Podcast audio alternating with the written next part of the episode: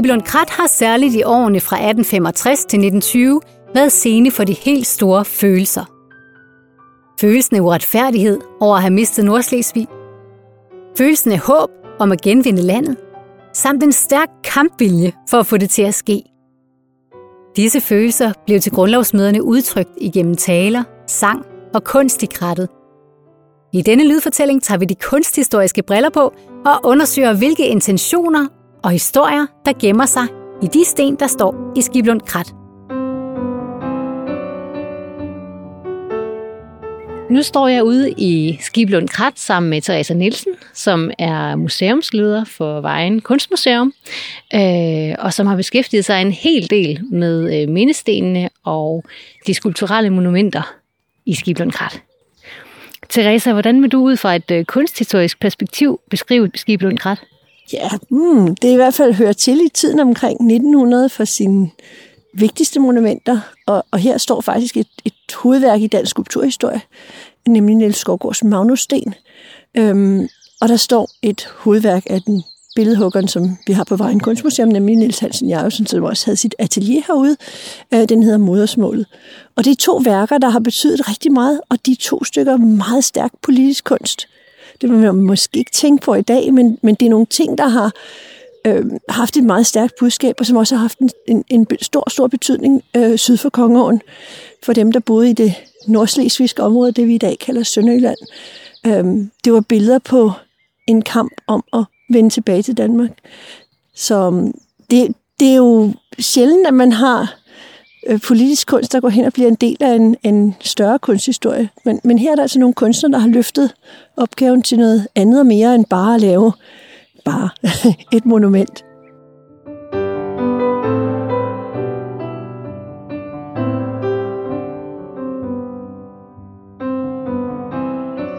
Hvad er det, der er så særligt ved mindestenene i Skibelund Krat? Altså, er de ikke bare en, øh, en ring af, af gamle øh, sten, øh, hvor der er navne og fødsels- og dødsårstal indgraveret? Det er jo rigtig interessant. 1860'erne kommer nogle super spændende artikler om, hvordan man holder fast i mindet. Øhm, og der er en præst, øh, Clausen, der skriver en artikel om, at øh, det, der er vigtigt, er, at man husker personen og navnet. Og det kan man jo gøre ved bare at stille en kløvet bagtasten med nogle få oplysninger. Når folk så passerer, så vil de stå sammen og snakke om det, og dem, der kan bære historien videre, den vil leve i kraft af, hvem var det, og hvordan var det? Måske som vi ser et billede i dag, og bliver fænget af en eller anden, og siger, hvad, hvad er det for noget? Det, det er interessant, og så graver man videre. Og den tanke fængede Ludvig Skrøder, som fik artiklen genoptrykket i Højskolebladet, og skabte det her, som han kalder Skiblund Saga, som et sted, hvor når man stod på talerstolen, så kunne man pege på alle de her sten, og ligesom sige, at der var ham her, der gjorde det, og der var den her ægtepar, der gjorde det her. At man trak dem ind, og de var en del af den historie, som man fortalte hver gang, man havde grundlovsmøde. Som Teresa sagde, så var Ludvig Schrøder meget optaget af mindestenenes egenskaber, og han beskrev dem selv på følgende måde. De fleste er kun simple kampesten, hvor i navnet til lige med fødsels- og dødsåret er indhugget. Men desuagtet har disse mindesten en langt anderledes værdi og betydning end de flotte gravmonumenter, vi finder på vores kirkegårde. Til de er blade i Danmarks mindebog. De fortæller beskueren et stort stykke af vores historie.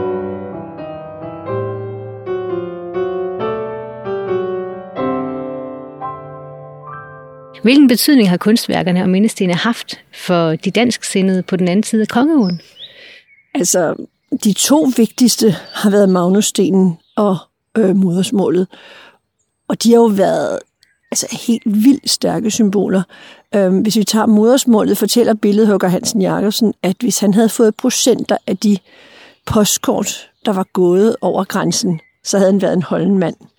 Og så skal vi altså forestille os, at fra 1888 øh, talte man ikke længere, altså der var skolesproget obligatorisk tysk på nær i religionsundervisningen. Sproget var ikke længere sådan frit. Øh, og det at forestille sig, at man sender postkortet med modersmålet til vennerne syd for Kongeåen, og det, den der øh, syd for Kongeåen postmand i sit officielle embede skal bære rundt på modersmålet og aflevere det. Altså det har jo haft en, en effekt, som det er svært at forestille sig i dag. Og statuetteudgaven, der bliver lavet i gips i, og forskellige andre materialer, den har jo stået rundt om i de her dansksindede hjem. Så var det jo ligesom et håb.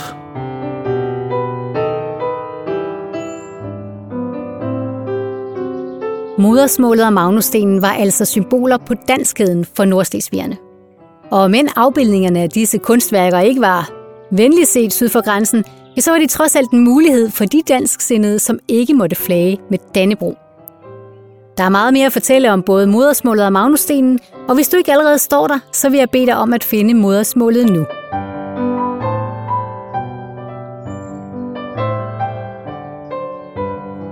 Hvad er historien bag modersmålet? Øhm, da den allestedsnærværende Ludvig Skrøder sidder i Hedeselskabets bestyrelse, har han på et tidspunkt øh, hele holdet øh, og nok en større gruppe med sig ned i Skiblund Krat, og så står de og kigger ud over det tabte land, og bankdirektør Heide for Privatbanken i København er med på turen, og han kigger ud, og så siger han, åh, der er to store vigtige øh, personer i den sønderjyske fortælling, der digteren Edvard Lemke og historikeren A.D. Jørgensen, der begge er døde i 1897. Og det her var jo et oplagt sted at sætte det her minde. Så opgaven bliver formidlet til en billedhugger, der sidder i Paris, og får til opgave at lave et dobbeltportræt. Og her er det så, det handler om at være en god kunstner, fordi i stedet for bare at lave et dobbeltportræt, højner Hansen Jørgensen det her projekt til at blive et billede på det fuldstændig uhåndgribelige, nemlig det sprog, vi taler. Og det gør han ved at sige, at Edvard Lemke har skrevet den her fantastiske tekst, hvor modersmål er dejligt. Hun lægger os på læben hver godt og kraftigt ord, har han så ovenikøbet skrevet ind i stenen. Øh, men den sang bliver, eller teksten i det, der egentlig er digt, øh, bliver det, der bærer øh, det her skulpturelle monument. Så han har den her kvinde, der står rank og smuk, og som kan, kan latteren, der kan få kæderne til at bræse. Og, altså, man kan ikke hegne hende ind, og de mennesker, der kan bruge sproget, vil være dem, der værner om hende. Og det er jo selvfølgelig billedet på historikeren og digteren, der bruger det danske sprog. Så Hansen Jarlsen får simpelthen lavet en symbiose, hvor han bringer øh, billedet frem og, og det var jo nogle af de ting, der virkelig glædede Løve Skrød, og det var jo, når højskolegrupperne kom ned og brød ud i sang, fordi alle kunne jo synge, Vort modersmål er dejligt.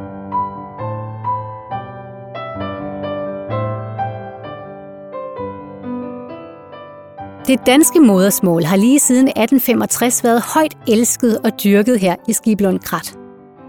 Det er, som Teresa fortæller, her blevet hyldet igennem taler, sang og kunst – og hvis du kigger på brosyren og på hjemmesiden, så er Niels Hansen Jacobsens monument i dag, det er også blevet stedets logo.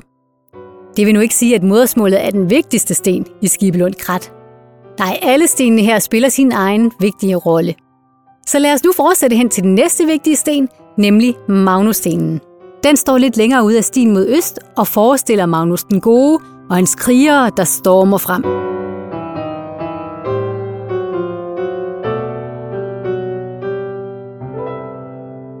Magnusstenen er sat i faktisk et helt andet projekt. Øhm, den er bekostet af Thor Lange, og han havde et projekt med at ville sætte sten for på historisk vigtige steder i Danmark, øh, eller for særlige begivenheder. Igen lidt samme tanke som, som mindestenen, det her med, hvordan husker vi, og det voksede ud af, at han havde talt med historikeren Camillus Nyrup, om hvordan det var, at man nåede til Finderup og Finderup havde der jo stået en for, lade, hvor forfærdelige begivenheder var foregået, men når man kommer til Finderup, er der ingenting. Og det var ligesom en nedtur for alle.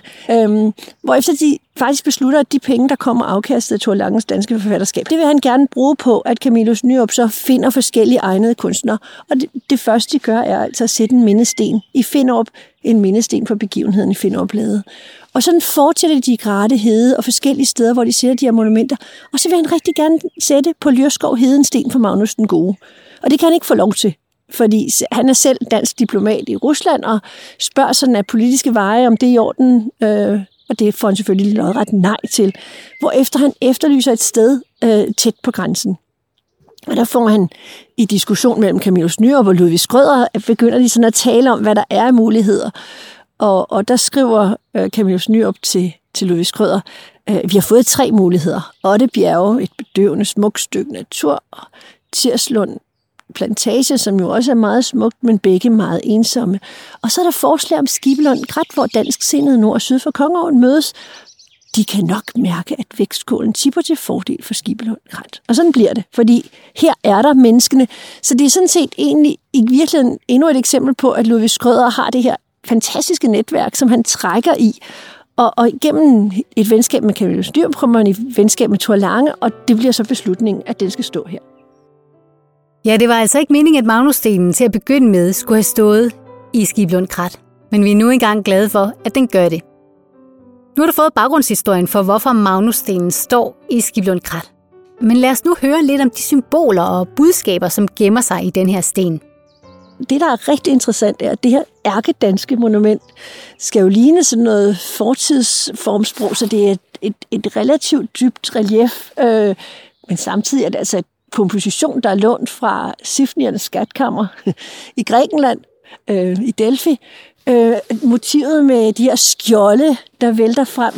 Og så er det altså ikke græske atleter, men nordiske folk i ringbrynje, øh, som Nils Skovgaard så får, får modelleret op. Og, og måden, han vælger at gøre det, er bare suverænt fint, og det er en, det er en fantastisk forening øh, af bevægelse og, og historie under et. Og så er det helt afgørende også, at han vælger, at den her sten sig på bagsiden får teksten, hvor han skriver det, det vers, Thor Lange har sat, som er Magnus Tvende Rigers bryd, onde Gud din kongesjæl, og i Nordens grænsepæl er der rykket frem mod syd. Så den tilsammens bliver et billede på øh, den sejr, som øh, Magnus havde, og som man vil sagtens også kunne håbe, det ville blive den dag, man kunne flytte grænsen frem og få i hvert fald Sønderjylland tilbage. Magnusstenen er altså ligesom modersmålet stærk politisk kunst, som blev brugt til at signalere et håb om en kommende genforening med og til de dansksindede på den anden side af Kongeåen. Genforeningen kom der også omkring 20 år efter deres indvielse, og den udmyndtede sig naturligvis i endnu en sten, nemlig genforeningsstenen, som skulle markere, at den langvarige kamp i Skiblund Krat og andre steder i Danmark var vundet, og målet om genforeningen nået. Lad os nu gå hen til genforeningsstenen, som er den mest yderligt liggende sten i krattet, og den ligner en stor kampesten.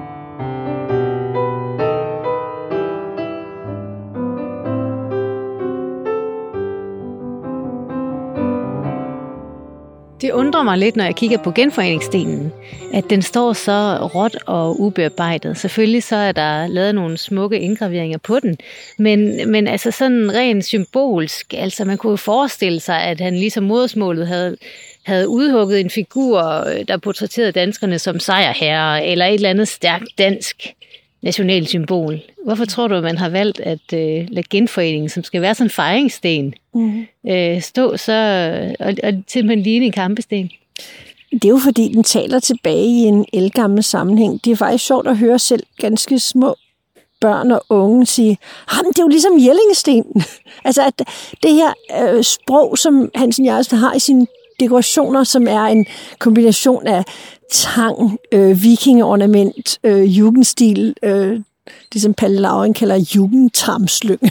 men altså den her dekorative ornamentik, men i virkeligheden ligger der jo meget mere i bare alene stenen, fordi det er teksten, det er underspillet, øh, det har en lang historie tilbage i en fortid, men samtidig er det altså en sten, som er stor, men den har været endnu større. Og en stor del af den står på kirkegården i Røding, på Frimenighedens kirkegård, til minde om de faldende fra Første Verdenskrig. Alle de unge mænd, der ikke vendte hjem. Og den sidste tredjedel står på kirkegården i Askov til minde over præsten H.F. Fejlberg, som havde virket syd for grænsen og blev chikaneret ud, eller i hvert fald blev det gjort besværligt for ham, og han valgte at trække sig tilbage og sad i Asgaard skrev jord, øh, det, der blev begyndelsen til ordbogen over det jyske sprog, at, at det er jo, Hansen Jarlsen har simpelthen helt symbolsk taget en sten, som på alle måder, fli for fli, er forbundet med, med det sønderjyske. Så måske er der mere, altså der er mere, end det man ser. Og, og måske er det netop det, altså, at den kan godt tåle at være underspillet, fordi nu er vi genforenet. Det råb, som modersmålet skal være, behøver genforeningsstenen ikke at være. Altså, nu er det lykkes, og det er det, vi stille og roligt takker for. Det bliver sådan ligesom en, en, en slutsten med en, med en tak for alt det, der er lykkes.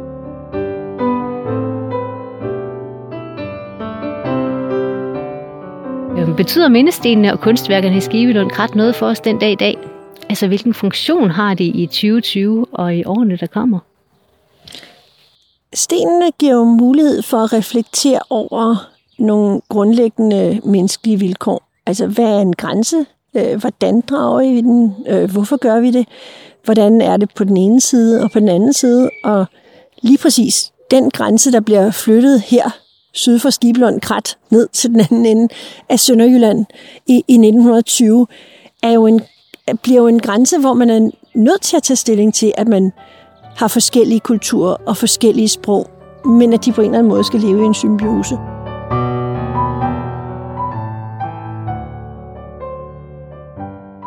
Ja, efter 56 år adskilt fra Nordslesvig, blev grænsen ved Kongeåen endelig flyttet.